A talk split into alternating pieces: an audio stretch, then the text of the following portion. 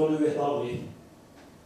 Når neste gang vi ses, kanskje det er høyere oppe, og da, skal, da får Herren takke med det. Jeg kan bare takke her nede, men så får Herren sørge for at det, det takkes der oppe. Du hva heter du for noe?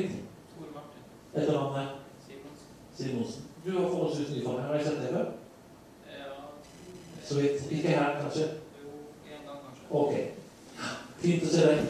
Veldig bra. Nei, jeg liker å hilse på folk, så derfor så I går var vi på eh, Salem eh, landvåg.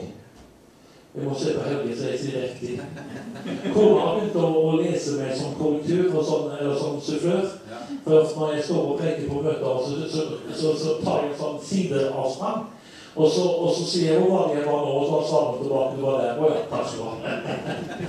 Så, så derfor måtte jeg se på Helge om det var riktig. Men det var det jeg skulle si at i går hadde vi et litt eh, spesielt møte. For det var eh, veldig mye folk på Salem. Eh, og veldig mange av dem var innvandrere.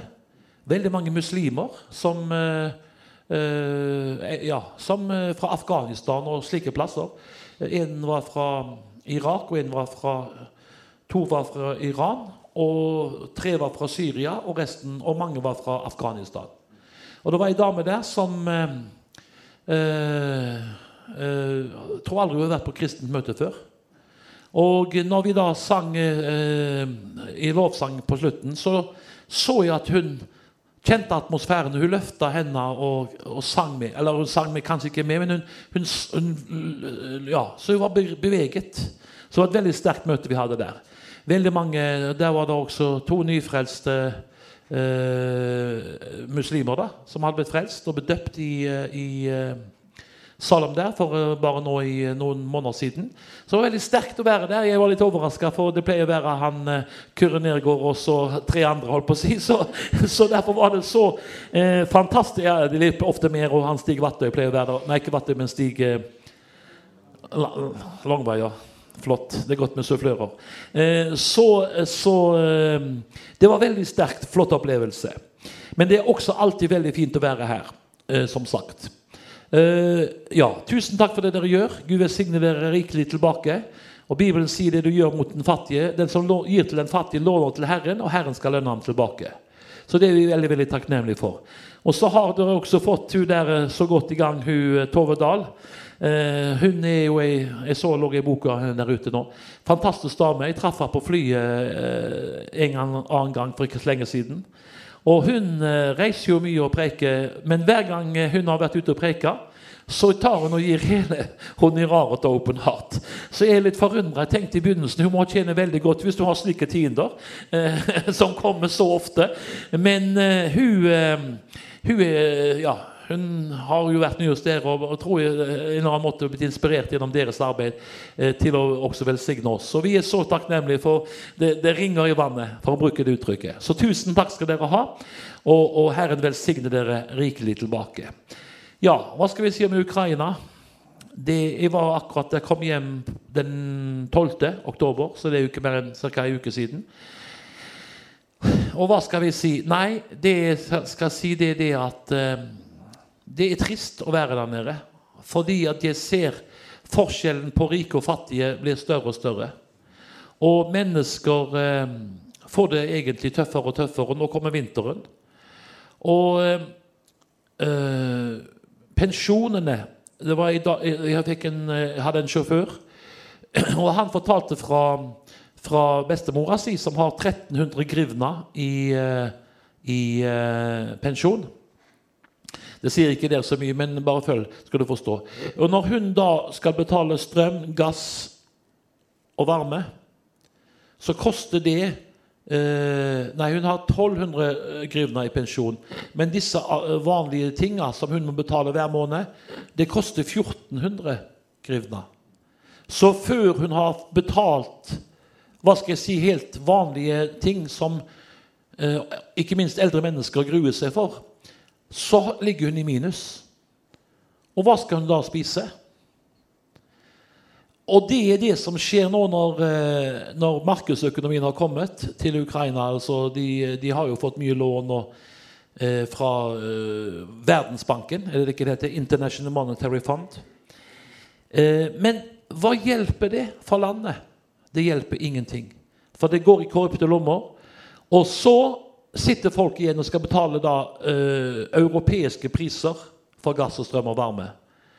Men det er greit nok det å betale europeiske priser hvis du har europeiske lønninger eller pensjoner. Men pensjonen er så lav at mennesker nå gruer seg for vinteren. Og Derfor er det så viktig at det hjelpearbeidet som vi gjør, det betyr så mye. Og så kommer jo krigen attpåtil, som fortsatt pågår. Og som gjør at mennesker eh, Jeg var nede og prekte på teltmøter eh, nå, mange ganger i sommer. Og eh, en by som vi var der eh, i eh, Du har første sone og andre. Jeg var i andre sone. Jeg var både i første sone og andre sone når det gjaldt krigen. Så første sone er nærmest krigen. Der var vi og hadde møte. Og så var vi også i andre sone og hadde teltmøter, for vi fikk ikke lov til å ha teltmøter i første sone. For da ble det meldt innover i de forskjellige divisjonene at nå har de møter der. Og da kommer uh, hva heter det for noe, granater flyvende og dreper. Så det fikk vi ikke lov til å ha teltmøter. Men vi hadde i andre sone der ikke de kunne nå oss. Og jeg møtte så mange mennesker som sto foran meg og takka. Uh, det, tok, det var hundrevis som ble frelst. Veldig sterke møter. Og eh, så kommer de og takket, og så sier jeg 'Hvordan går det med dere?' Vi dør, vi dør. Det er virkeligheten. Så for de som da lever i skyggen av korrupsjon, fattigdom og krig, så må jeg si det at eh, du kan bli deprimert av mindre. Og jeg må si det når jeg kjenner det Du vet at når du møter mennesker, vet ikke om du har det på den måten, så er jeg sånn at jeg merker ganske snart hvordan situasjonen er med de menneskene. Det er litt merkelig når du har Den hellige ånd, som du nevnte. Så er det ikke bare at han er sterk, men han også han kjenner eh, eh, eh hva det står eh, Ånden ransaker alle ting, også dybden som er i Gud. Og du kjenner det at når du møter mennesker, så, så kjenner du det som preger eh, folket. Det, det, kjenner du i din ånd hvis du er litt følsom i ditt indre menneske. Og jeg kjenner sterk depresjon når jeg er der nede. Jeg tenker, så jeg kjenner at jeg, den deprimerende ånd som er lagt over folket, den kjenner jeg på, for jeg bare vet at de menneskene har det ikke lett. De gruer seg.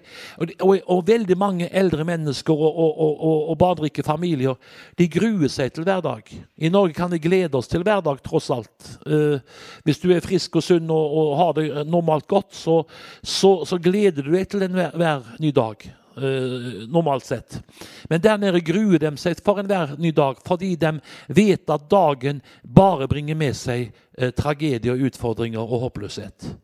Og Derfor må jeg si det jeg syns så inderlig synd på mange mennesker som må leve opp i en slik tilværelse. Jeg, kjenner, jeg har medynk med dem. Det står om Jesus. Han, han, eh, han hadde inderlig medynk med folket, for de var som får som ikke hadde hyrde. De var som mennesker som ingen brydde seg om. Og det er den følelsen jeg får når jeg reiser inn i disse landene og møter disse menneskene.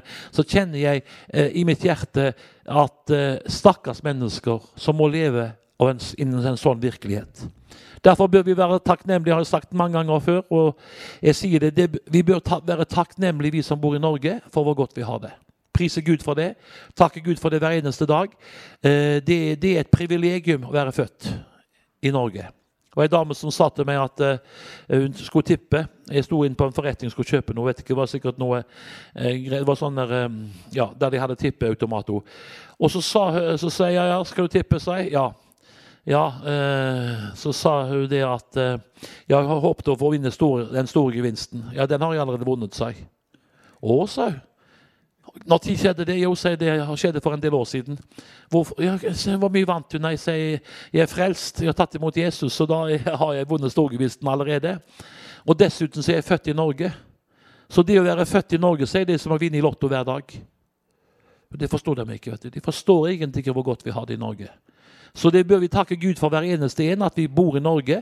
For det å, å, å få lov til å bo i dette landet her, eh, det er som å vinne i Lotto hver dag. Realistisk eh, høres kanskje litt uh, høytsvevende ut for deg, men det er sant. Hadde du sett den nøden jeg har sett, og møtt din fortvilelse som jeg møter, så hadde du forstått hva jeg sier, at vi har det usedvanlig godt, det som å vinne Lotto hver dag.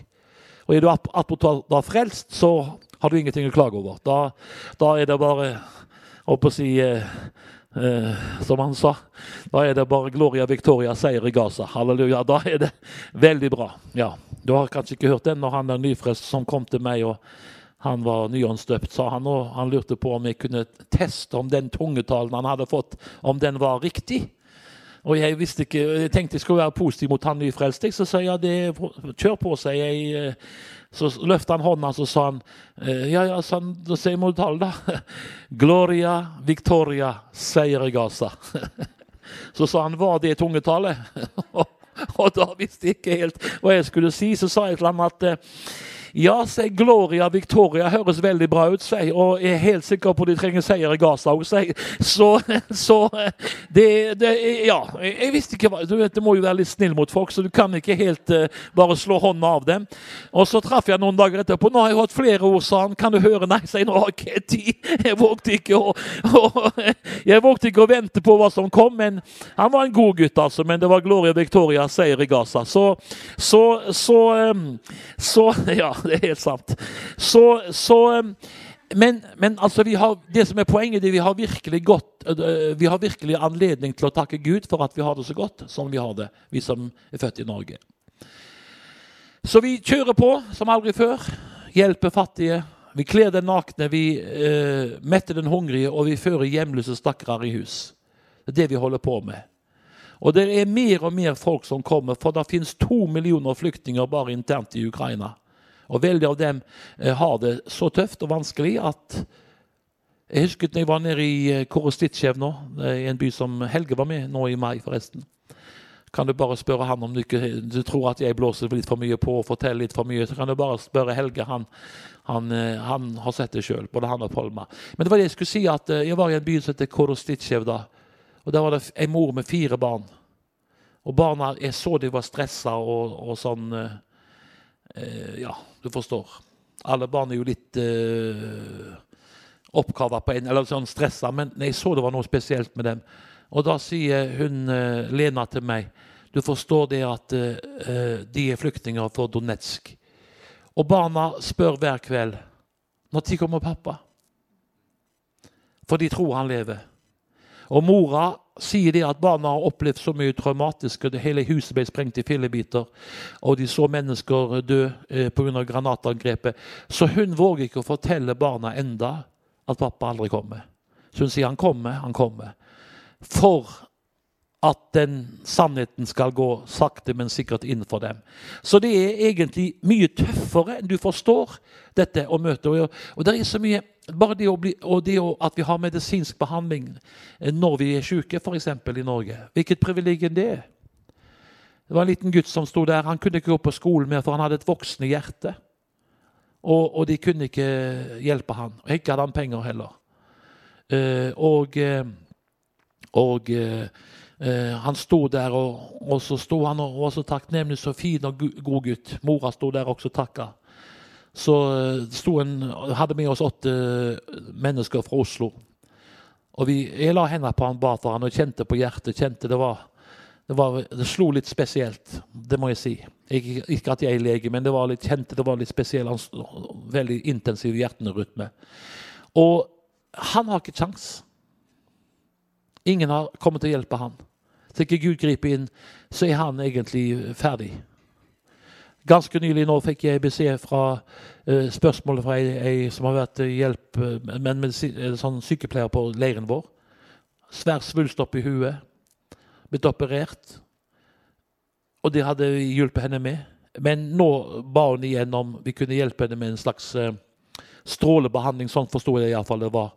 Men hvis ikke de har penger, ingen hjelper dem.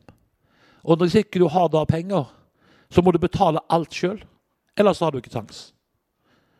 Fortvilelsen er jo den at hvis du blir syk, alvorlig syk, så er det egentlig sannheten er den at du, du får ingen hjelp fra myndighetene hvis ikke du betaler sjøl. Og hvis du skal betale en medisinsk behandling på 15 000 dollar, som det kan lett koste med, syke, med, eh, jeg si, med medisin for, eh, for kreft Det er jo lite. Så har du ikke kjangs. Får ingen hjelp. Så det er virkeligheten for skarer av mennesker. Ikke alle, mange har det greit. Eller greit og greit, men sånn noenlunde klarer seg. Men vel, mer og mer mennesker klarer seg ikke. og fortvilelsen er bunnløs, og, og desperasjonen og depresjonen den, den slår inn med full tyngde. Og når vinteren kommer, så sier de til meg ofte at de vet ikke om de orker å leve. Og veldig mange også gjør ikke det, og gjør slutt på livet.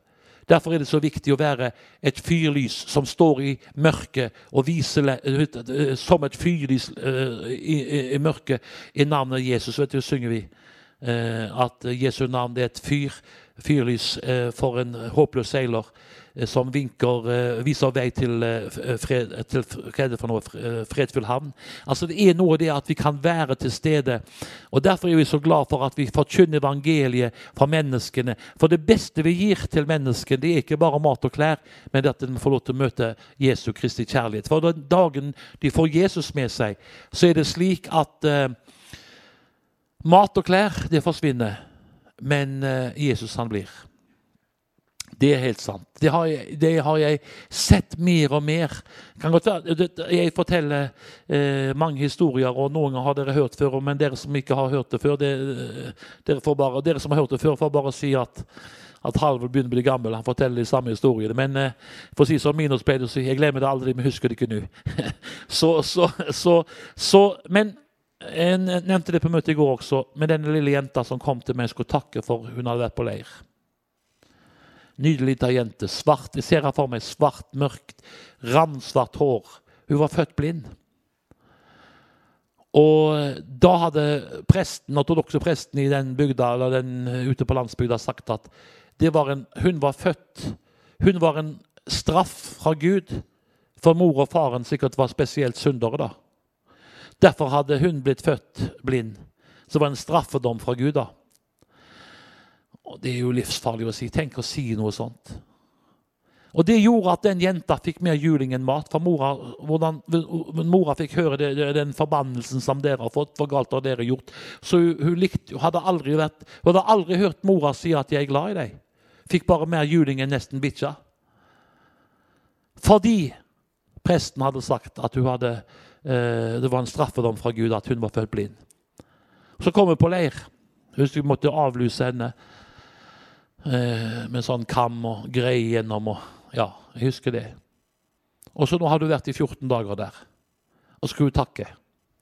Og jeg, jeg, jeg tenkte hva kan en åtte-tiåring si av takk? Jeg forventa ikke for mye. Og så begynte hun å snakke, og da attpåtil var hun blind. Så tenkte jeg hva, hva skal jeg, jeg må prøve å, å, å trøste eller være øh, Men hun grep meg. Vet du hva hun sa?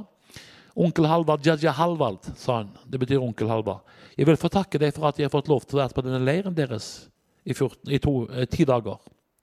For første gang i mitt liv Her har jeg smakt mat som jeg aldri har smakt før. Som jeg bare i mine beste drømmer har drømt om. Her har jeg fått alle de klemmene som jeg har lengta etter i hele mitt liv. Tenkte jeg, wow. Hun hadde ikke fått mye kjærlighet. Og så sier hun men det beste jeg har fått her, onkel Halvard, sier hun, det var at her har jeg fått lov til å høre om Jesus.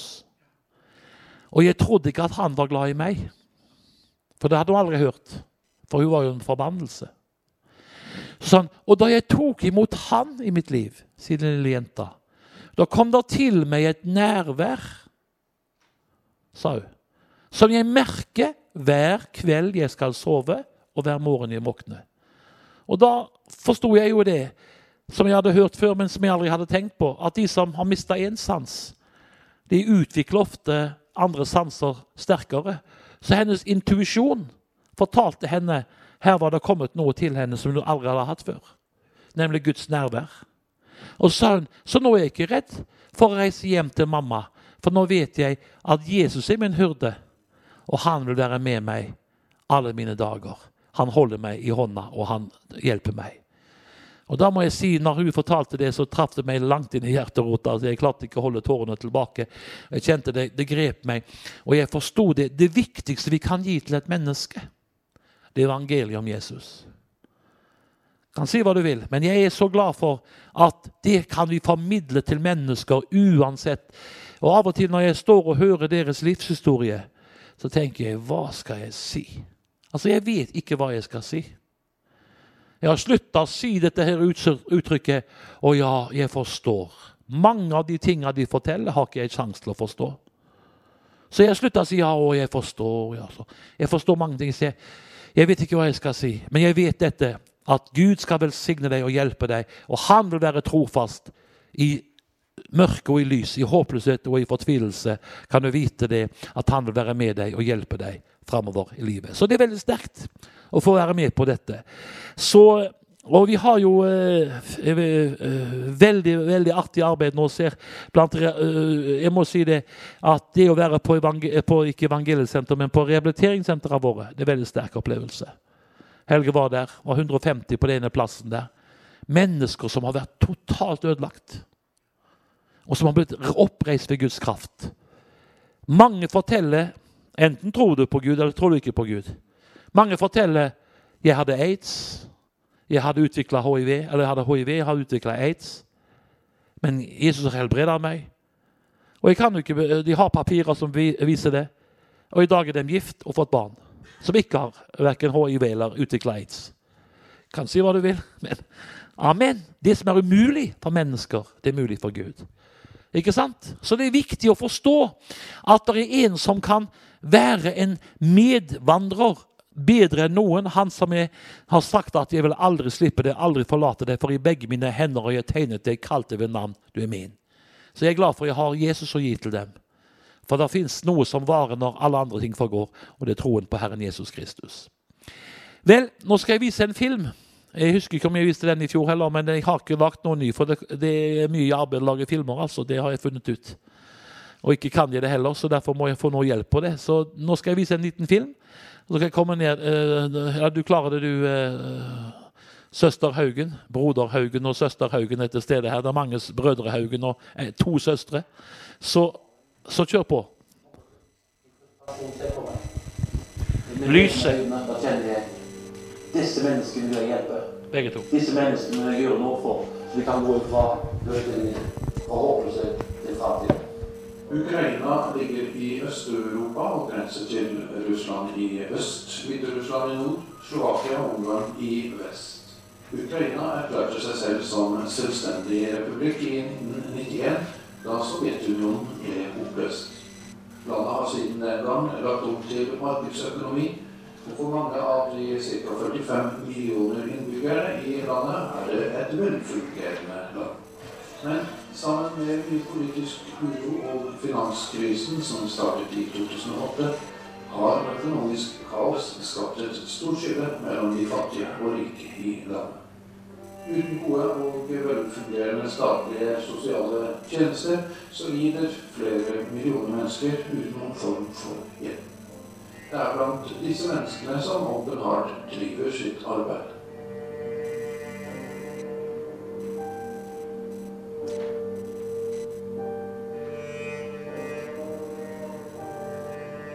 Hver uke er medarbeidere ute med ulike typer hjelp i ca. 50 områder rundt om i landet. Open Heart er en humanitær stiftelse som drives på et kristent grunnlag og ble startet i begynnelsen av 1980-årene av Halvard Hasle. Frivillige gaver fra enkeltpersoner og næringslivet gjør det mulig å opprettholde stor aktivitet. Rundt 500 000 mennesker får hjelp gjennom Åpen Heart hvert eneste år. Folk i Norge har ikke sjanse til å forstå den nøden som jeg møter. Elendigheten. Fortvilte og forskremte barneøyne. Og håpløsheten fra familier som kanskje har gitt opp. De, de, de har mista håpet. Og du vet, hva tenk deg sjøl. Hvis du hadde jobba i månedsvis og lønna for mye, hva skal du leve av? Enorm arbeidsledighet. Jeg må si imponert over franske mødre som på potetsteinsuppe holder sine barn i live fordi at vi ikke har noe annet å leve av. En politisk og militær krise rammet Ukraina i 2014, da Russland annekterte Krimhalvøya. Konflikten har resultert i mange tusen drepte, og to millioner mennesker er flyktninger i sitt eget land. Open Heart bidrar med nødhjelp til de som er rammet av krigen. Og boforhold Flere nordmenn, hadde vært med meg og sett, så hadde du vært sjokkert. Hvordan de bor i skur, uten strøm og gass og varme. De blir sjuke pga. at fuktigheten sitter i veggene. De har ikke noe peis å fyre på, men de bare får gå, for de har ikke elektrisitet eller noen ting. At hundene våre vil ikke bo der. Der bor flere barn sammen med mora si. Mange av barna de kan ikke engang gå på skole fordi at jeg husker til bestemor hun hadde tre par sko til sju barnebarn. Mor og far var døde. Kunne ikke sende barna på skole hver dag for de hadde ikke klær på seg. Dette er viktig for mange i nødens Ukraina. Og folk tror jo meg ikke når jeg sier at jeg møter horder av mennesker som graver på ei søppeldynge for å finne en flaske den kan pante, eller eh, et avspist kyllingbein. Når nøden virkelig røyner på, så tar de med å koke suppe. Det er det de hadde å bidra til sine barns eh, mat på. Da snakker vi om nød, og da snakker vi om mye av den situasjonen som vi ofte møter blant fattige i Øst-Europa i dag. Og at de får næringsrik mat, og ikke får eh, det de trenger av vitaminer, så er det ikke rart at de blir syke. Og mange eldre mennesker og mange barn dør faktisk av mangelsykdommer fordi de har ikke det mest elementære som vi tar som selvfølge. Det er lønnsuttak. Open Heart har aksjoner rundt om i hele Norge for å skaffe mat og klær. Og det er besøk rundt om i menigheter, i radio og i TV. Om du hadde vært med meg i krigsområdene og sett desperasjonen og vi ser matpakkene Jeg var så redd eh, jeg skulle, bli hadde 3000 mennesker at du eh, skulle nå og, og, og det var gamle folk det var nesten krakka med. For så mat, det fikk panikk. Og vi trodde det var tomt. De sa slapp av, det er nok mat. Det er bare. Men midt i Europa du kan gjøre en forskjell. For i en måned så, så holder vi en familie for 300 kroner. Det? Er har jo ikke vanlig Det, det er, eh, det er smør, mjøl, makaroni og stikke seg Helt. Så de kan koke seg som de har iallfall noen argumenter. Som gråtende forteller oss vi finner ikke mamma, vi finner ikke pappa. Huset vårt eksploderte, og vi måtte bare flykte, og vi så ikke mamma, vi får ikke pappa. Mange finner aldri mor og far igjen fordi at eh, granater slo ned og drepte dem. Og Da er det ikke lett å være til stede der, men eh, vi eh, gir dem mat og klær. Hver eneste dag gir vi mat til 4000 barn. Vi deler ut tusenvis av matpakker til de som eh, spesielt må sitte i krigsområdet. Og det beste vi gir dem, det er faktisk alt. Du kan uh, tro det eller ei, men det er sant. Vi gir dem Jesus.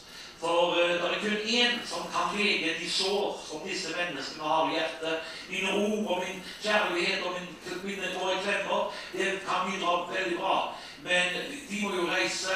Og Det er han vi formidler også til barna, for vi vet at det er kun han som kan lege hjertesår. Så den gaven du gir i dag, det går uoppkorta til mat. Og det her sier jeg uoppkorta, det går ikke til administrasjon og, og, og si alt mulig annet, men det går til å gi tusenvis av matpakker til dem som sitter i krigsområdet i Øst-Ukraina akkurat nå. Nå kjennetegner vårt jo at vi har eh, egne trailere som kommer eh, når vi har sammen i Norge. Det er jo eh, norskeide, eller vi eier disse til bilene. Vi har jo franske sjåfører. Og det er også veldig effektivt. Vi, har, vi gir disse trailersjåførene en jobb. De er ansatt i Ukraina og, og, og gjør en jobb derfra. Bilene starter i Ukraina, går til Norge, fulle klær og så reiser de tilbake. På den måten så kan den bruke den kan systemet, den vet hva den skal gjøre.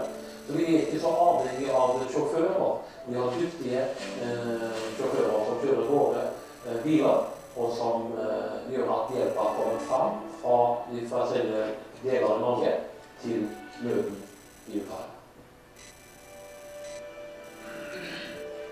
Open Heart arrangerer to ukers sommerleir for flere tusen barn hvert eneste år. De får 14 dager med næringsrik mat, de får lek, sport og morsomme aktiviteter, møter og lovsang. Barna er omgitt av kjærlige voksne omsorgspersoner som gir oppmerksomhet, klemmer og opplevelser. Vår angst er blitt byttet ut med Guds kjærlighet, og de finner håp og tro for framtiden. Og dette kan du få lov til å være med på, og sende disse barna på sommerleir. Jeg møtte en liten gutt som kom på barneveien vår. Og han sa det at eh, han hadde ikke sovet på, på eh, et år pga. traumatiske opplevelser. Men når vi ba for ham i Jesu navn, så fikk han sove for første gang på et år. Han sov hver natt når han var på barneveien. Angsten var borte. Alt var blitt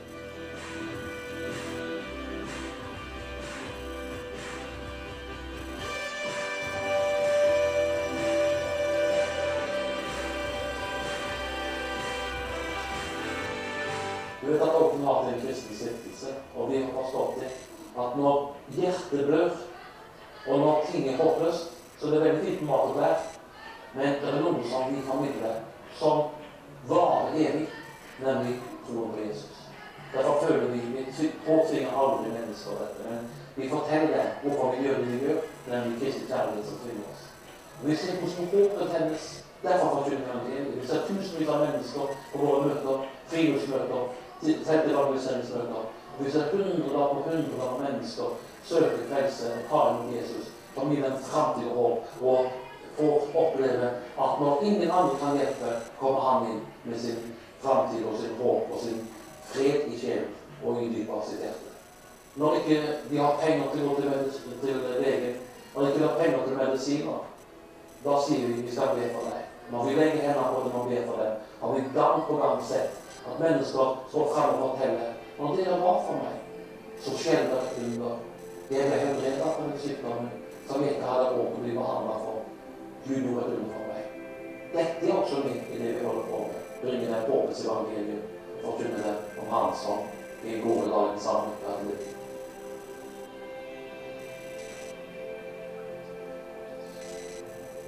Men mange er, som også er engasjert i vårt arbeid, det er jo frivillige, eh, brennende kristne som har fått sitt liv forandra. Og de kjenner i sitt hjerte at de vil gjøre en forskjell for sine egne landsmenn. Derfor engasjerer de seg i åpen hatt. Jeg betaler for transporten, jeg betaler for eh, matpakkene, men de går med en inderlig kjærlighet til sitt hjerte til å bli en forskjell for sine landsmenn. De har mange fantastiske, trofaste medarbeidere. Den viktigste er kona mi, Bente, som er hjemme og og si, eh, hjelper meg i alt jeg gjør. Men i Ukraina har vi også dyktige medarbeidere. Blant annet hun som er visepresident i Open og som administrerer arbeidet når ikke jeg er der. Nadia Bolofova, Hun er en dyktig administrator, dyktig folk, dyktig eh, eh, medarbeider. Og uten slike folk, har mange av dem, både direktører på barnehjem i Kiev og, og på barnehjem og, og, og matstasjoner Hver eneste plass har vi ledere som er ivrige, brennende kristne, som eh, gjør en fantastisk innsats. Men det er klart at jeg kunne ikke drive det som jeg gjør, uten mennesker som deg. Ildsjeler i Norge har vi veldig mange av. Og vi reiser jo fra by til by med våre seilere. Samling og har møter og informerer om vårt arbeid på skoler eh, i eh, kristne settinger og ikke-kristne settinger. For at vi kan få lov til å eh, bidra og fortelle om nøden. Og de kan tenne hverandre ditt hjerte, så vil kan være med og bidra. Og det er så mange som gjør en fantastisk innsats. Vi kunne nevne menigheter i Kristiansand, i Arendal, i Drammen, i Ålesund, i Bergen, eh, i Haugesund, på Bømlo, eh, overalt i Norge. Mennesker som kjenner de vil være med og bidra.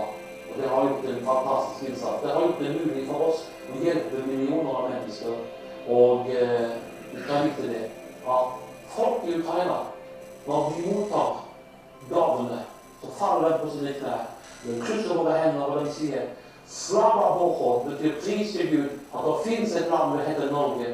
Takk at det fins mennesker der som bryr seg om oss når politikere har glemt oss. Så tenker de på oss. Fantastisk varme mennesker i dette kalde landet. For de tror at det er minus 30 grader i Norge. De sier Norge er det kalde landet med de varme hjertene. Og kan takker Gud for at vi finnes til, og at du finnes til, og at vi sammen kan gjøre en forandring for mennesker i nød. Og julepakkeaksjonen vår er godt kjent. For da sitter barn som aldri får en julegave, som aldri får en sjokolade før de kommer inn i bildet. De sitter i fortvilelse. Noen gråter. Mange sa jeg gråt da jeg tenkte at barnet mitt aldri hadde fått en julegave, aldri fått en sjokolade. Så jeg ba til Gud tenk hvis det kunne komme noen og hjelpe deg. Så kom det. Og om du kunne sett hva jeg gir en julegave eller en sjokolade til et barn Hvilken glede det stråler ut fra det. Der ble det en jente som fikk en flott julegave. Hun satt og koste med julepapiret, for hun sa jeg hadde aldri sett noe så fint. Og det var bare innpakningen av den julegaven. Men hadde kost det med det i, i en halvtime. Så sa jeg du må åpne pakken. Da må lå i pakken. For for henne var selve eh, julepapiret så vakkert. Hun har aldri sett noe sånt. Når hun åpna, så jeg flott sånn der dokke fra Norge. Flott kledd opp og, og, og sånn som en dokke skal være. Hennes øyne strålte som to diamanter. Og tårene rant på kinnen. Klemte den lille dokka inntil seg. Og jeg så det skjedde noe i hjertet. At hun hadde fått noen som han tenkte på henne. Og at hun hadde fått noe som hun aldri i sin villeste fantasi hadde drømt om noen gang skulle få. Du som ser på denne videoen. Hvis du ikke har begrepet i hjertet, så vil jeg si nøden er større enn du kan fatte. Så hvis du kan bidra, så vil vi så takknemlige for hjelp. Du er på hjemmesida vår openheart.no. Eller du kan se på Facebook-sida vår Open hav. Og der kan du få også mulighet til å klikke på forskjellige knapper og, uh, gjennom SMS og gjennom uh, PayPal og gjennom forskjellige ting, så kan du være med og gi en gave. Du kan vite at din gave berger liv. Den, den gaven du gir, enten en matpakke på 300 kroner eller du gir en større eller mindre gave, betyr en forskjell for mennesker i nød. Og Bibelen sier de har gjort imot én av disse mine minste små. Det har han gjort imot meg. Gud kommer til å syne deg. Og han eh, liker at vi bryr oss om fattige og enker. Takk for at du vil være med. Du gir en gave, og du gjør det siden.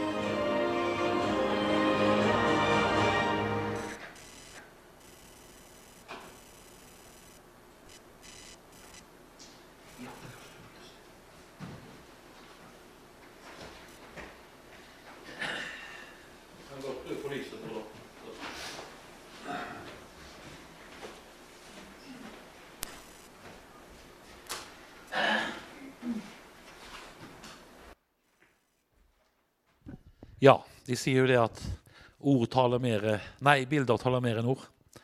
Så da har du sett noe av det vi holder på med. Du fikk ikke se så mye fra rehabiliteringsarbeidet her, for det er også stort. Vi har eh, et massivt arbeid i St. Petersburg. Det er det ikke mange som vet om. Eh, der har vi eh, så, Evangeliesenteret gjør en flott innsats ikke sant, i, i Norge. Og de har vel ca. 200-250 til behandling hele tida. Men jeg regnet på det nå, og vi har minst 500 til behandling hele tida. Så vårt arbeid i, i, i Russland og i Ukraina er vesentlig større enn Evangeliesenterets arbeid i Norge. Så det er ikke for å skryte, men bare at du skal ha en, en forståelse av hva vi holder på med, og hva dere er med og støtter. Så tusen takk nok en gang for det som dere alltid bidrar med. Og eh, eh, Bibelen som sagt sier den som gir til en fattig, låner til Herren, og Herren skal lønne ham tilbake. Så, så tusen takk nok en gang for den gaven skal jeg også vite at dere tar kollekten ved døra. Så derfor så takker jeg nå så hjertelig fordi at eh, dere er så enestående, sjenerøse og eh, eh, har Ja. Det er ingen tvil om at hadde, hadde alle, antall, alle menigheter i antall medlemmer gitt like mye som dere, så, så hadde, da hadde det vært mye misjonsarbeid som hadde frydd seg. Men vi er veldig veldig takknemlige. Gud velsigne dere rikelig. Virker det nå? Virker alt, ja. Her virker alt. Det er bra. Enn så lenge, holdt på å si. Så jeg står her. Jeg skulle hatt en sånn derre direktesendt, så kunne bare ha lagt inn som kunne det, Men det, det er en helt annen sak. Ja, men skal, jeg vil ikke ha det. Hvis du er tjukk i huet, så så det bare ligger og skurrer her oppe på. Jeg har prøvd det før, og så prøver folk Det ligger bare sånn. Er så tjukk i huet, så derfor, så, så derfor er det best å ikke ha det. Sånn er det. Du vet jo at eh, i dag så var jeg på eh, Philadelphia, eller på Pinsekirka på Moa. Og så eh, Jeg husker ikke alle mennesker, altså. Jeg forstår godt hva Jeg husker ansikter, men jeg husker ikke alltid navn. Og så når folk blir litt eldre, eh, så er det ikke alltid lett å huske dem igjen. Noen blir tynnere, og andre blir litt rundere. Rund og sunn, som han sier å si. Jeg er nok i den kategorien. Men, men det er en annen sak. Men i alle fall så så, så jeg eh, tre mennesker som kom. To damer, og, to eh, yngre og ei eldre eh, dame som kom. Og de snakket til meg.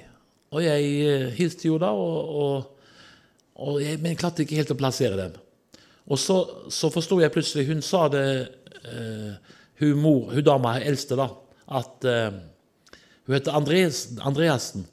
Harry, tror jeg hun heter. Var ikke det han heter, eh, han, Helge? Harry. Og nå, han hadde dødd i går. Han gikk i Philadelphia. Jeg ser han for meg. Han gikk, jobbet, var i ungdom i oppdrag i sin tid. Var det ikke det du sa, Helge? Men de siste 10-15 åra så har han nok vært med i Philadelphia. Eh, en veldig koselig mann. Jeg, jeg, jeg erindrer han med glede. Litt høy mann med å si, eh, Og nå hadde han flytta hjem til herligheten. I går, forsto jeg, på den, eh, på den eh, mora, da. Eller kona hans og de to barna. Så da fikk jeg, da fikk jeg lov til å snakke litt til dem. For jeg tenkte at det, du vet, ikke si hvem som er kristne og ikke kristne, det kjenner jo Herren hjertet. Men ja, sånn, jeg visste at hun dama var, så sier han gikk hjem til Gud. Ikke sant? Ja, det var hun glad for. Det var håpet hun hadde, hun, eh, hun kona, da.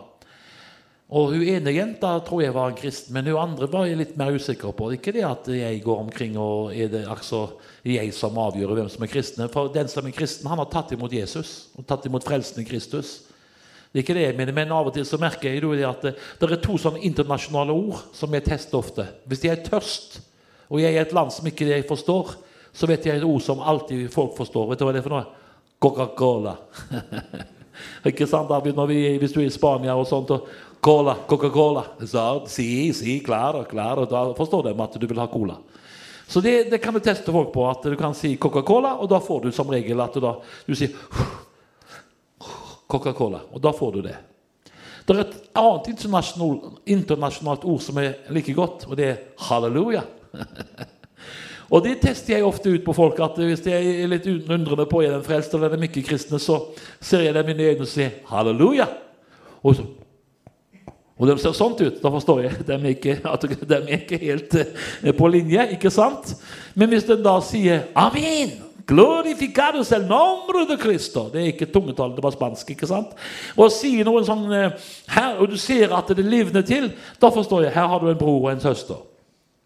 Men det var det jeg skulle si. Det var en lang eh, sånn, men nå kommer jeg tilbake på sporet. Så fortalte jeg eh, til eh, hun, eh, fru Andresen der og til de to døtrene hennes Det er virkelig det vi tror på. Det er mange av oss som ikke helt Av og til når jeg forteller slike opplevelser, til og med til predikanter og kristne mennesker, så tror de ikke hva Skriften sier. Det forundrer meg.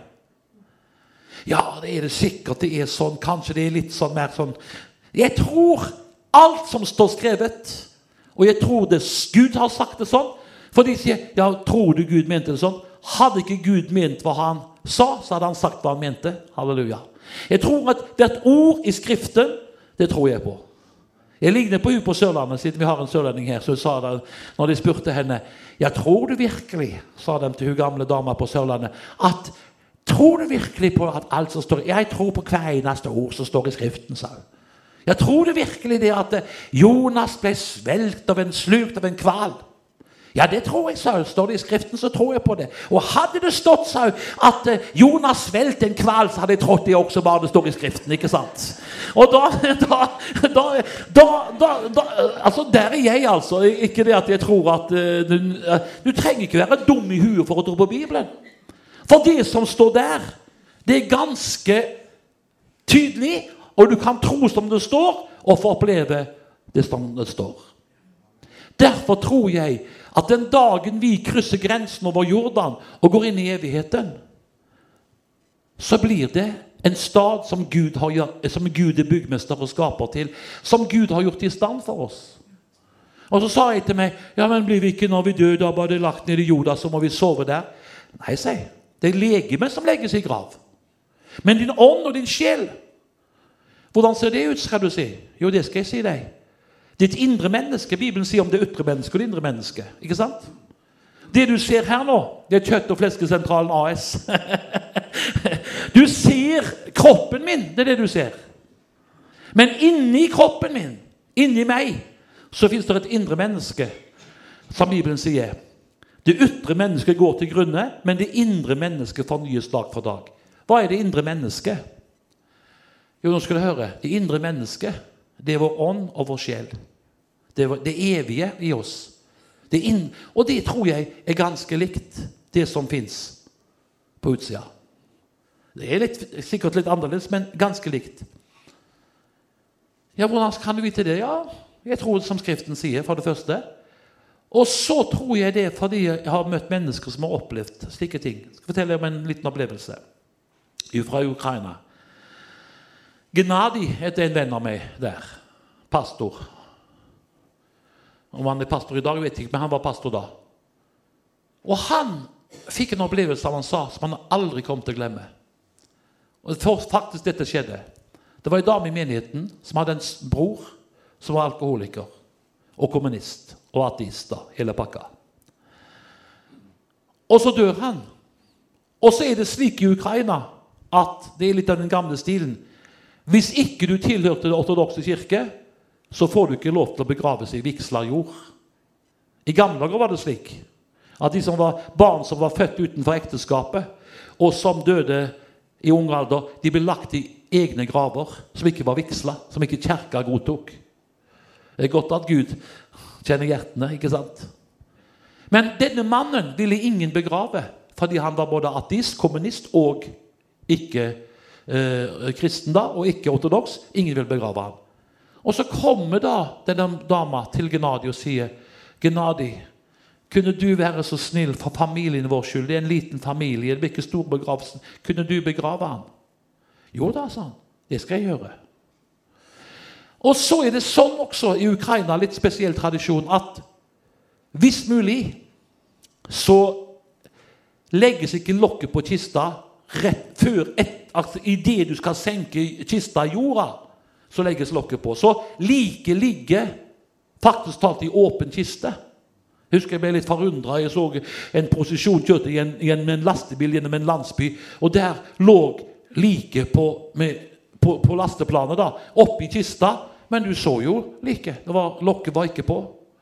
tenkte jo vel, Det var jo litt ukjent for oss. Men skal du høre. Så han sa ja, det skal jeg gjøre. Og så, når han da har kommet ned til grava, og de står der og like, ligger oppi kista, og han må si noen ord der, så så jo han liket som lå i kista. Og så skjer det noe som han ikke hadde forventa. Sitat han sjøl. Mens han står der, omgitt av den lille familien til denne mannen, så ser han plutselig Der kommer en åndelig gestalt inn og blir stående midt iblant gravfølget. Og han kvakk til, for han tenkte wow, dette hadde jeg ikke forventa. Og så ser han på den gestalten som står der midt i dette likfølget. Og så tenkte han ser de alle andre som jeg ser? Ikke alle hadde sett det, men det var to eller tre som hadde sett det. Og så ser han på denne gestalten, åndelig gestalten som står foran seg. Og så kikker han ned i kista, og så forstår han den, mann, den kroppen som ligger i kista, og den åndelige gestalten som står der, det er den samme personen. Og så sier han Så gikk den personen bort til alle sine familiemedlemmer, og så sa han Hvorfor var det ingen som fortalte meg alvoret ved at det fins en evighet? Hvorfor var det ingen som fortalte meg at det fins frelse i Jesus Kristus? Hvorfor var det ingen som fortalte meg at det fins en himmel, og det fins en fortapelse? Og Gnadi, veldig nøktern, flott mann, han fikk helt sjokk. Tenkte wow, dette hadde ikke jeg forventa. Og like så fort som denne gestalten kom inn i dette gravfølget, forsvant det. Og så var han borte. Jeg tror Jeg kan ikke forklare alle ting, men jeg tror som det står at Lasarus døde og ble båret av engler til Abrahams skjød. Men den rike mann døde, og han havna i dødsriket. Ja, og han òg ba om og sa Vær så snill. Han, da begynte han å be. Han hadde aldri bedt før, men da var han. Og det er mange som kommer til å begynne å be, men da er det for seint. For i dag er frelsens dag. I dag er Gud å finne. Så derfor tror jeg på det. Halleluja. At det fins en himmel. Sånn som Andresen. Og, og slapp helt av. Jeg å Jeg tror på frelsen i Kristus. Du må ta imot Jesus for å bli frelst. Men jeg er ikke den som kommer til å stå i døra og si 'du kom inn, og du kom ikke inn'. Det er ikke min oppgave. Halleluja for det. det der, der har ikke jeg oversikten på til fulle, men, men Gud har oversikten på det. Og han vet om hvem som har Guds stempel i sitt hjerte osv. Men jeg tror på det finnes en himmel som, beredes, som er beredt for dem som tror på Jesus. Tre uker siden, tror jeg det var, var jeg i Stathelle. Nede, på, nede Brevik der. Og der har jeg eh, flere kjente, bl.a. en lovsangsleder, eh, eh, ei dame. Og så mannen hennes, han er byggmester. Flotte folk. Og så snakket jeg med henne nå, og hun har fortalt meg før en opplevelse hun hadde med sin, sin datter som heter Linda. Og så skal du høre, Denne Linda hun var seks år ca. Så dør mormor, eller bestemor og bestefar, altså mor og far til denne dama, dør veldig tett innpå hverandre av kreft. Og de forfalt, og Spesielt mora altså, hun forfalt, så kreften tok henne, og hun døde. Og når barnebarnet så bestemor og bestefar dø så tett innpå hverandre, så sa hun var det ikke bestemor og bestefar glad i meg siden de flytta så bort fra meg? Et barn kan ikke alltid forstå døden osv. Så, videre. så hun ble så deprimert på de at bestemor og bestefar ikke var så Hun trodde det var hennes skyld. Og de sa men det er jo ikke din skyld, de måtte bare reise hjem til Gud. Men hun forstod det ikke. Og Hun ville ikke sove, hun gråt, og de hadde det, måtte ligge ofte i deres seng. og Hun var så fortvila. Men så en dag som hun hadde klart å få lagt henne inn i senga. Neste morgen kom hun strålende tilbake, Linda, og sier 'Å, mamma, å mamma, nå er jeg ikke lei meg mer.' Så sa hun mora, hun lovsangslederen da, 'Så fint da, Linda. Har det skjedd noe spesielt siden du ikke er lei deg?' 'Ja', sa hun. 'Det har det.' 'Sier du det', sa hun. 'Hva er det som har skjedd, da?' 'Jo, jeg har vært i himmelen i natt', sa hun. Og Da tenkte mora nå, hadde, nå begynner dette her er drømmerier. Og, ikke sant? Så sa hun ja, ja sier du det, sa hun. Måtte du være positiv til barnet sitt? Har du det? Ja. Hva gjorde du der, da? Jo, jeg har besøkt eh, bestemor og bestefar. Ja, ja, Så den var i himmelen? Ja. Og så sier hun og du skal tro at bestemor var vakker, sa hun. For hun hadde sett henne sånn som hun døde, full av kreft. Og nå hadde hun møtt henne i himmelen. Hun var vakker, sa hun. Hun var akkurat som på en prikk lik deg på bryllupsbildet ditt, sa jenta. Men mye vakrere. Det likte hun kanskje ikke helt, men det Men så sier hun det. Sier du det, sa hun? Ja, det var interessant. Så tenkte hun dette her er, enten er, det, er dette her for noe? Og så begynte hun å fortelle. Ja, jeg var med Jesus. Og vet du, sa han, bestemor og bestefar har fått et eget hjem. Et hus. Ja, hva gjorde du der? Jo, og så sa hun hadde, hun hadde spist eh, vafler eller noe som ligna på det, sa hun, i himmelen. Og vet du, og så fikk jeg melk hos bestemor og bestefar. Melk, sa hun. Ja, de gikk ut i en bekk og bare henta noe. Og bedre melk har jeg aldri smakt, sa hun. Vet du hva det står i Skriften? Melk og honning flyter fritt i det landet. Hun hadde aldri lest det i Bibelen, den lille jenta. Men hun begynte å fortelle ting som mora tenkte hvor har du dette fra? Så sa han, og vet du, sa han, jeg var mange, Jesus tok meg med og viste meg himmelens stat. Og jeg så så mye vakkert. Hva sier du, sa han. Og så var jeg på en plass, og der møtte jeg en som du kjenner, men som jeg ikke kjenner. Å, sir, Hvem var det, da? Onkel Gunnar. Da tenkte jeg kvakk til. Onkel Gunnar, møtte du han der? Ja. Ja, hvordan kjenner du han? Nei, jeg kjenner han ikke. Men han kom bort til meg, og så sa han jeg, Du kjenner ikke meg, men jeg kjenner deg. Og du må hilse til mammaen din å si at de hun sa til meg Siste gang jeg møtte henne, det gjorde jeg, og derfor er jeg glad for jeg har nådd himmelen. Da fikk det kaldt nedover ryggen på denne lovsangspianistlinnen, og så sa hun Da visste jeg dette er ikke drømmeri og, og svermeri. Fordi denne Gunnar, hun var ung, han, hun, han var onkel hennes. Og denne Gunnar var alkoholisert og ødelagt pga. alkohol. Og var på en klinikk, og så reiste denne lovsangslederen og besøkte han. Og han var ikke frelst. Og da hadde hun sagt til han, 'Gunnar, jeg er glad i deg, onkel Gunnar.' Men du vet, du må bli frelst. Jeg vet det er fint, det er trist at alkoholen har ødelagt deg, men det går an å ta imot Jesus. Så lov meg det, onkel Gunnar. Jeg ser du ikke så sprek nå, sa, sa, hun. Men ikke glem å ta imot Jesus. Du må love meg det. Vil du ta meg i hånda på at du skal ta imot Jesus før du dør? Han hadde tatt henne i hånda, men hun var usikker. Og sa det, det du sa til han måtte gjøre før han døde, det hadde han gjort, og nå var han i himmelen. Da tenkte jeg wow. Og så begynte hun å fortelle, og så sa hun Og vet du hva mormor hadde fått? Eller bestemor, da? Mormor, da? Nei. Jo, hun hadde fått den diamanten som hun aldri fikk her i livet. Og da tenkte hun wow. Og så sa hun så sa, Jeg husker ikke navnet på den diamanten, men det er en av de diamantene som står om i skriften i åpenbaringsboken. Og så sa hun at det var den turkise, og så nevnte hun navnet på den turkise er en farge, er det ikke det? Ja. Dette her, jeg ser på deg, for du er jo blomsterhandler, eh, Larsen, ikke sant? så du vet om disse fargene. Og så, Hun fikk den turki, Og så nevnte hun navnet på den flotte diamanten.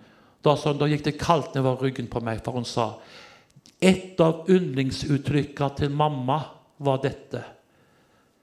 Du, Olaf, vi er ikke rike, vi. Og jeg vet at du har ikke kjangs til å kjøpe meg den diamanten som jeg ønsker meg. Men jeg vet, hadde hun sagt, så mange ganger hadde mora sagt det, at den dagen jeg kommer til himmelen, da skal jeg få en diamant hos Gud med yndlingsfargen min, og det var turkis.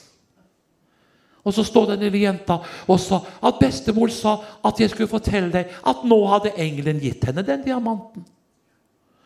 Og Hun sa så mange ting, sa, fortalte hun om detaljer hva hun hadde opplevd, at hun, had, hun var helt sjokkert. Og så sier hun Så min mormor så var det to damer som fulgte etter henne overalt der hun gikk. Og så, hvem var det der? Nei, og så sa hun navnet på den. Jeg klarer ikke, kan si at de heter Rebekka og, og, og, eh, og, eh, Else. da. Hun sa navnet på dem. Altså, men dem har jeg ikke sett, sånn det vet ikke jeg hvem er. Det visste mora. Det var to av, av um, søstrene til mora som hun hadde sagt dem lå på hennes hjerte. Hun bar for dem hele tida at de måtte bli frelst. Og han hadde ofte snakket til dem hvor viktig det var å ta imot frelsen i Kristus. Og så sa hun, og dem ba meg jo hilse deg og si at de var så takknemlige for at mormor hadde fortalt dem om Jesus, og de hadde tatt imot frelsen, og nå var de i himmelen. Jeg vet at det finnes en himmel Halleluja som beredes den blodkjøpte brud.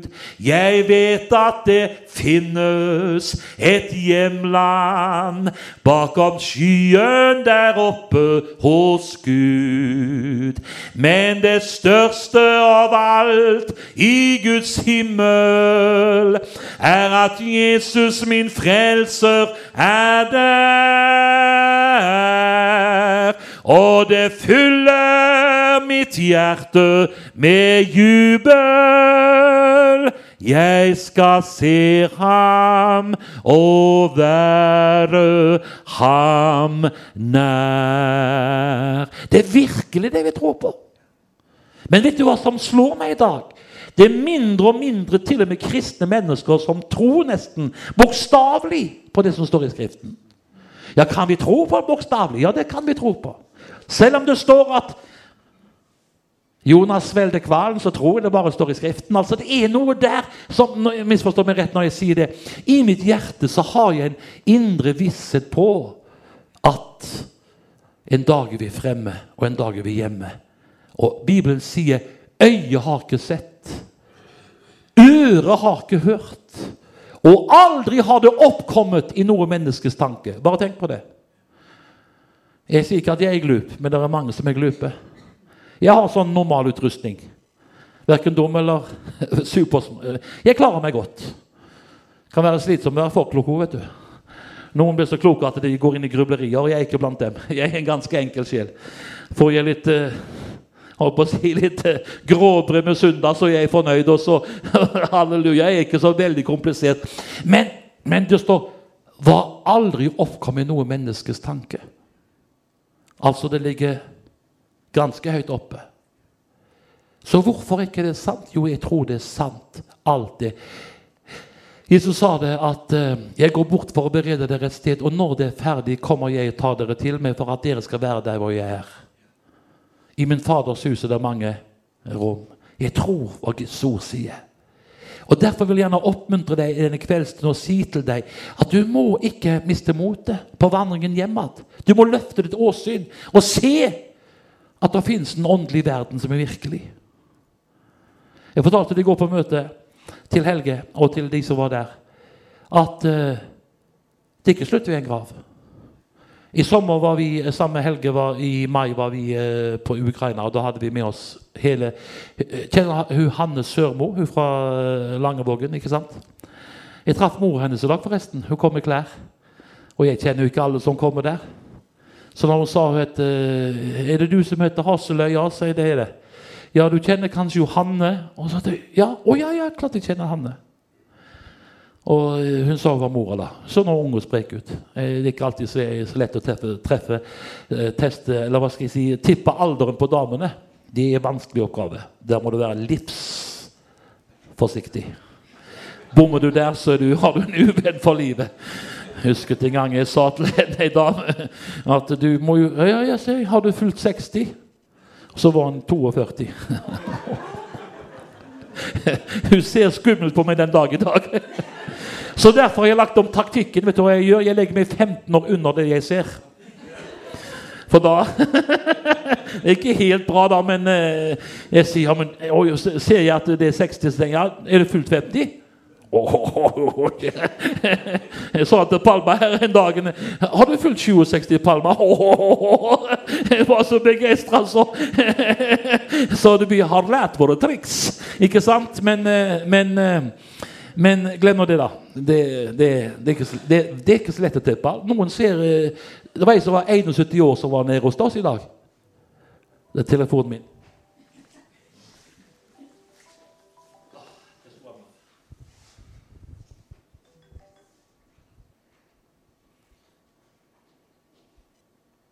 Beklager. Eh, det er ikke lett å tippe alderen alltid. det er det jeg skal si. Derfor er jeg veldig forsiktig. Men han var der. Så var vi i, i, eh, i Ukraina med han. Jeg kom tilbake, ser du. Ikke så sløv som, eh, som jeg høres ut. Men nå skal du høre. Og der, da vi var i uh, eh, Ukraina sommer, så hadde vi med oss Evangeliesenters bibelskole, og der er det en som heter Frank Båtsvann, eller noe sånt heter han. Merkelig på pode. Herlig pode. Du ser på han at han har gått på stoff. Du kan se det på han. Og, men han er også gullsmed. Jeg tror han er blant de reisende. Han så litt sånn reisenaktig ut med litt sånn Ja, du forstår. Det er hvilket vitnesbyrd. For tre år siden cirka fikk han sitt tiende hjertestans pga. dop. Og når han ble kjørt på sykehuset, så fikk han beskjed Eller ikke han, da, men de sa han er død. Nå er det slutt. Så legen beordrer han ned, ikke han da, men like, ned på kjøla. Og så forteller Frank. Ja, de sier de kjørte meg på kjøla. Og mens han da er i den tilstanden der, akkurat kommet inn på sykehuset og, erklæres død kjøres han ned på kjøla av han portøren. Da kommer Jesus til han og sier, 'Frank, du skal få noen gode dager, men du må vende om til meg.' Og så sier han, 'Og så jeg husker jeg ikke så mye mer enn det at jeg løfter opp hånda og så 'Jeg er ikke død'. Og han, han portøren, kan du tenke deg Åh, Han kvakk jo til! Kan du tenke deg sjøl, Arvid, hvis du hadde sagt Kan du kjøre det der eh, det like der ned på den eh, der ned på der? Og så midt før du skal kjøre han inn i på frysa, så løfter han opp på 'Jeg er ikke du? og så ble han kjørt i hu og hast inn på sykehuset igjen og lagt på en sånn der eh, greier da. Og da kom en engel for andre gang til han og sa at og Frank er ikke noe sånn der eh, veldig enkel mann. Ikke, du ser det ikke noe sånn som har lagd noe historie. Han sa engelen sa det samme. Du skal få noen gode dager, men du må gi ditt liv til Jesus. Og nå har han gått to år på bibelskole, og nå traff jo han bort på Han bor bort på um, Turøy borte i bergenskanten ned forbi der hvor det helikopteret styrta for et par år siden, eller et år siden. Og så sier jeg ikke, 'Det er så fint å se deg, Frank', sier. Det er sterkt vitnesbyrd. Ja, det er sånt, det. Er veldig sterkt. Så ser du på han har vært skikkelig ute på kjøret. Han sa tolv år gammel ble han drapsmann. Ja, Hvordan skjedde det? sier? Jo, han, han var aldri opplevd at noen sa at de var glad i han. Ble banka, slått i oppveksten, mobba. Og så var han på en skole, og så kom han i slåsskamp med en lærer. Og så datt han, og ved fallet ble han drept han. han. Og han sa han var på institusjoner i Norge, og han sa det Ingen kan fatte hvor mye juling jeg fikk. De skamslo meg. Og det utvikla han seg til å bli en, en kynisk eh, kriminell. Og han smugla stoff, og han var helt ødelagt. Men så sa han Men tenk at Jesus han, Det var noen som ba for han. Og tenk at Jesus kom til meg og hjalp meg. Det er godt at vi tror på Jesus. Det er godt at vi tror på dere makt i de foldede hender. Det er godt at vi tror på det finnes en himmel. Og det er godt at vi kan få tro på at når vi løfter våre hender til Gud, eller vårt hjerte til Gud og våre hender, så hører han, og så svarer han, og så vil han hjelpe. Og jeg har opplevd det mange ganger. Jeg skal slutte med den opplevelsen. Jeg tenkte på det når jeg satt der nede, så inn i den tomme traileren. Så hadde, vi har jo egne trailere, sant vel? Skal aldri glemme den opplevelsen. I dag ringte hun til meg, hun dama. Og så, sier, så og snakket jeg et par år med henne. Skal aldri glemme det. Når jeg sto på den søppeldynga nede i Ukraina for en del år siden, så ei dame som kom bort til meg med to-tre små unger der. Og jeg så hun var slitt. Og der vågte jeg ikke å tippe alderen. Hadde jeg tippa mange av de som ser ut som er 60-65 år, så er de ikke mer enn 40. vet du. For livet er så tøft og vart for dem. Og Så snakket jeg med henne og sa det er noe kjent med deg. Ja, jeg kjenner deg, sa hun. Å, sa hvorfor kjenner du meg? Jeg har vært på møtet ditt i parken. Det var et møte jeg hadde der. Og jeg tok imot Jesus. Og så er du her, sa jeg. Ja. Jeg har ikke noe annet. Mannen har reist fra meg. Jeg må grave på dynga for å finne Ja, sant vel. Hun hadde et tøft liv. Og Da sa jeg, kjære Jesus, det var helt i begynnelsen av vår tjeneste, gi meg mye mat, så jeg kan hjelpe så mange som mulig. Og så ba jeg til Gud Herre, hvordan skal jeg takke mye mat? Jeg, var, jeg er veldig, vel enkel. Men av og til så er det de enkleste ofte det beste. vet du. Jeg er ikke sånn at jeg kan løse ting sjøl. Jeg, jeg må be om alt, jeg. jeg om, det står i alle ting. står det. Jeg, jeg ber om alt mulig rart. jeg. Det var en som sa, det var en predikant som kom med å, han hursta og harka. Så sier jeg hva som er galt når han har kraftig influensa. eller noe sånt da. Skal jeg be for det, sier. Nei, han brydde ikke vår Herre med slike småting. Ja, jeg ser, det kan jo være sjukt, da, sier. Da gidder jeg ikke å be for det heller, sier. Da er du helt motsatt av meg. Jeg ber om alt, jeg, sier. Har vondt i knærne, sier. I Jesu Kristi navn taler jeg legedom og helse inn i knærne. Jeg ber, har gjort det i dag, så derfor gjør jeg det en gang til. Jeg har plaga med knærne, så jeg bare taler legedom og helse. Jeg, jeg ber om alle ting. Altså, Jeg har jo tro på medikamenter. ikke sant? Hvis legen sier 'ta den pillen der én gang per dag', så putter jeg den inn. Og Hvis vi tror på at medikamenter hjelper, så må vi jo tro på at det er kraft i de holdede hender. Og så, så er det ikke slik at én pille løser alt, men av og til så må du be og be og be. Ikke be, men bare velsigne og holde på inntil du blir frisk. Må ikke gi opp, vet du. Så jeg sa, kjære Jesus, og så sa Gud til meg, kjøp deg en frysehenger. Ja, det hadde jeg ikke tenkt på. Frysehenger, ja. Så søkte jeg på nettet. jo, det var nede i, Billigste var nede i Padburg, nede med tysk-danske grensa. Og jeg kjørte jo ned der, vet du. Søkte UD. Og den, på tida hadde de penger, nå har de ikke penger. For det UD så det er så fattig. Alt skal gå til palestinerne, vet du. Så det er jo ikke noe å gi til eh, Ukraina, ikke sant? Unnskyld at jeg sier det, altså, men jeg ble litt provosert av alt det der penger, milliarden som forsvinner i det sluket der. Men nå glemmer det, da. Så jeg fikk penger. Så hadde jeg registrert den, da, den traileren. En frysehenger. 100 000 pluss moms kosta den. Og det var 30. april, skal alle glemme det. Vi hadde registrert den. Og så sier jeg til Nadia og til de sjåførene Kom, gutter, skal vi be. Og så sto vi foran 13 meter med tomhet. Og så sa jeg Du som talte, og det skjedde, du bød, du sto der. Av jorden skapte du intet. Fyll denne, kan ikke du være så snill, Gud, og bare i Jesu navn fyll denne hengeren med hjelp til mennesker? Så det var enkelt og banalt. Ja, ja. Om ikke det blir som barn, så får du ikke se oppleve Guds rike, sier Jesus.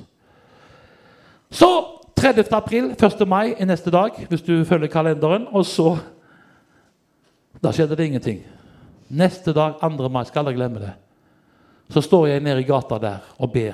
Har akkurat bedt, og vi holder på med noe sånn smålys. Så kommer kona. 'Halvard!' 'Ja.' 'Halvard!' 'Ja, hva er det for noe?' 'Det er ei dame som vil snakke med deg.' 'Å, si.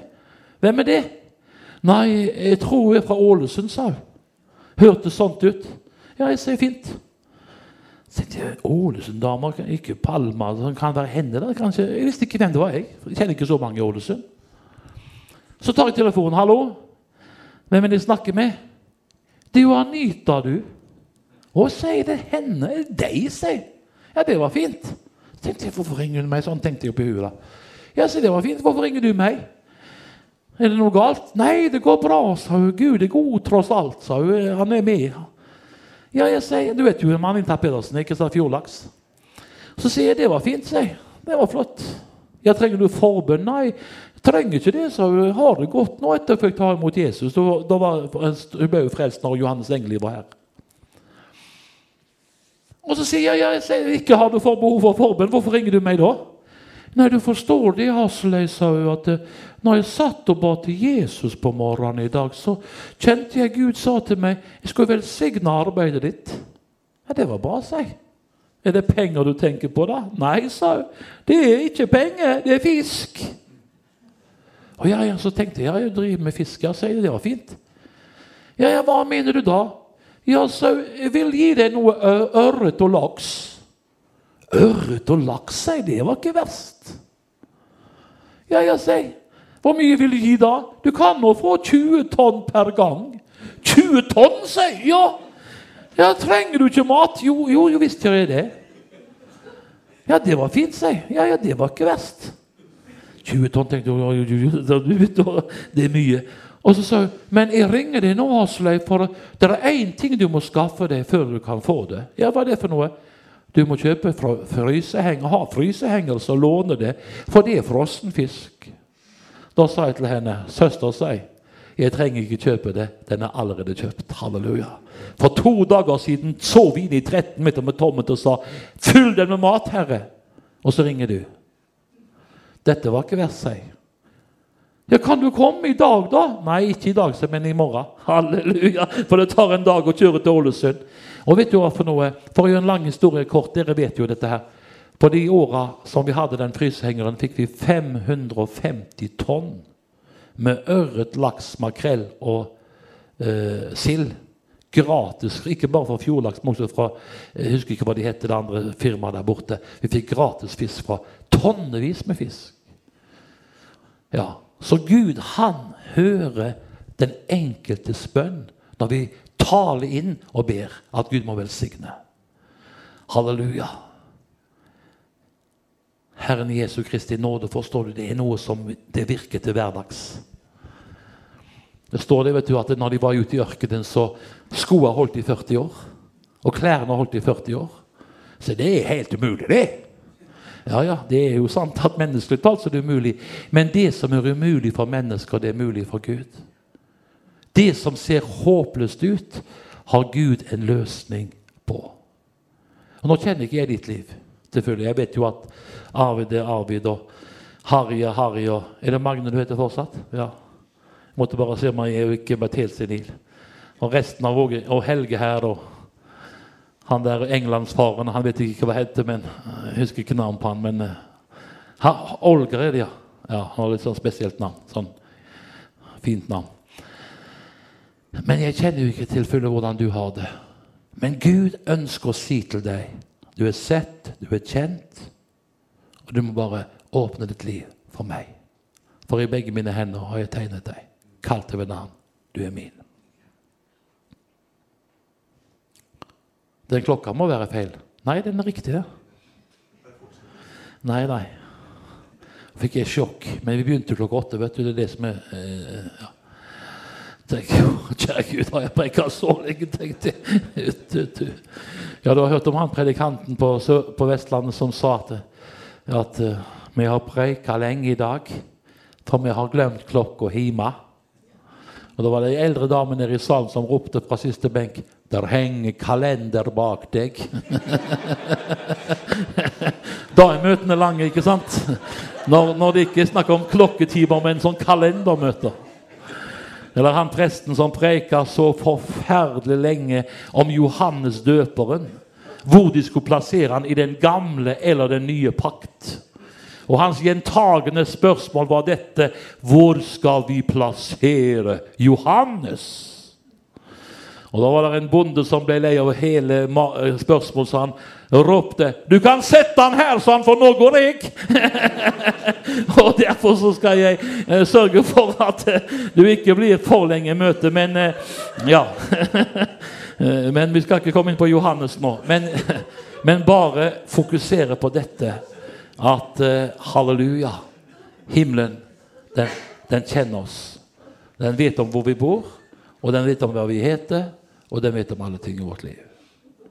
Og jeg, jeg regner med at jeg har en følelse av at mange, mesteparten av dere er kristne, så jeg skal ikke kjøre så hardt ut på det, men jeg bare si det. La oss sørge for at vårt liv er lagt i Guds hånd. At vi har himmelen som mål. For jeg har bestemt meg til himmelen, altså. Og jeg har ikke tenkt å sakke bakutover uh, jo eldre jeg blir. Kjenner at kreftene av og til kan være ikke så spreke som det en gang var. Men jeg bare vet jeg skal fullføre med stil. Jeg skal fullføre løpet og gripe det evige liv som jeg er kalt til. Og jeg må si det, jeg er glad for at jeg tror på akkurat det som står. I min faders hus skal sitte til bords med Abraham, Isak og Jakob. Noen tror at vi blir sånn tåkeskyer oppe i himmelen. og Vi skal kjenne hverandre igjen. Hvis du skal sitte til bords med Abraham, Isak og Jakob, så kan du ikke spørre da, da kjenner du det ved navn. da, vet du. Ditt navn er skrevet i livets bok. Det er fint å tenke på. Halleluja. Det er ikke bare han der, Når Herren snakker om meg, så ikke han, han der runde, sunne broderen som reiser i Ukraina Han sier ikke det, han sier 'Halvor Hasseløy'. Halleluja. Herlig frelst broder, fulgt av Den hellige ånd. En fin mann, sier Gud. Han er sønnen min. Han tjener meg. Gud kjenner oss ved navn. Og han kjenner deg ved navn. Og han elsker deg. Og han sier, 'Min favn er åpen. Du kan komme og finne det du søker, skal du finne i meg. Skal vi bøye våre hoder der innenfor Herrens åsyn? Å, Jesus. Jeg bare kjente jeg skulle dele dette med dere. Du som er eldre her og kjenner at legemet er skrøpelig, ikke mist motet. Løft dine øyne, for løsningens dag stunder til. Og Den dagen du krysser grensen over Jordan, så vil ikke kunne si at du lengter tilbake.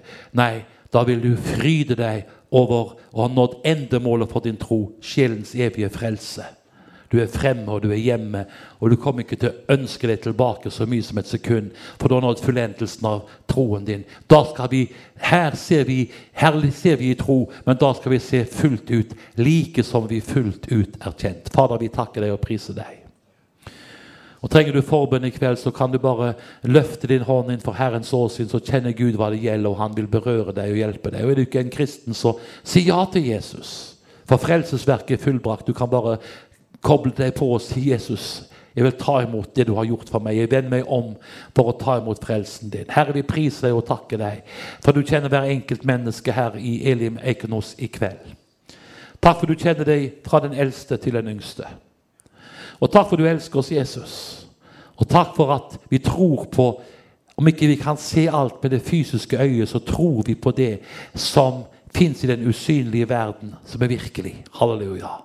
Og vi ber Jesu Kristi navn for hver enkelt menneske samla her i eh, Elim i kveld, Herre. Takk for du kjenner hver enkelt menneskes livssituasjon. Du vet om prøvelser, du vet om t motløshet. Du kjenner de som har det tøft og vanskelig, som har strid og kamp i sitt indre menneske og kjenner at de har vanskelige dager og tøffe dager. Men jeg ber i Jesu navn, når de får kjenne din naglemerkede hånd legges på dem.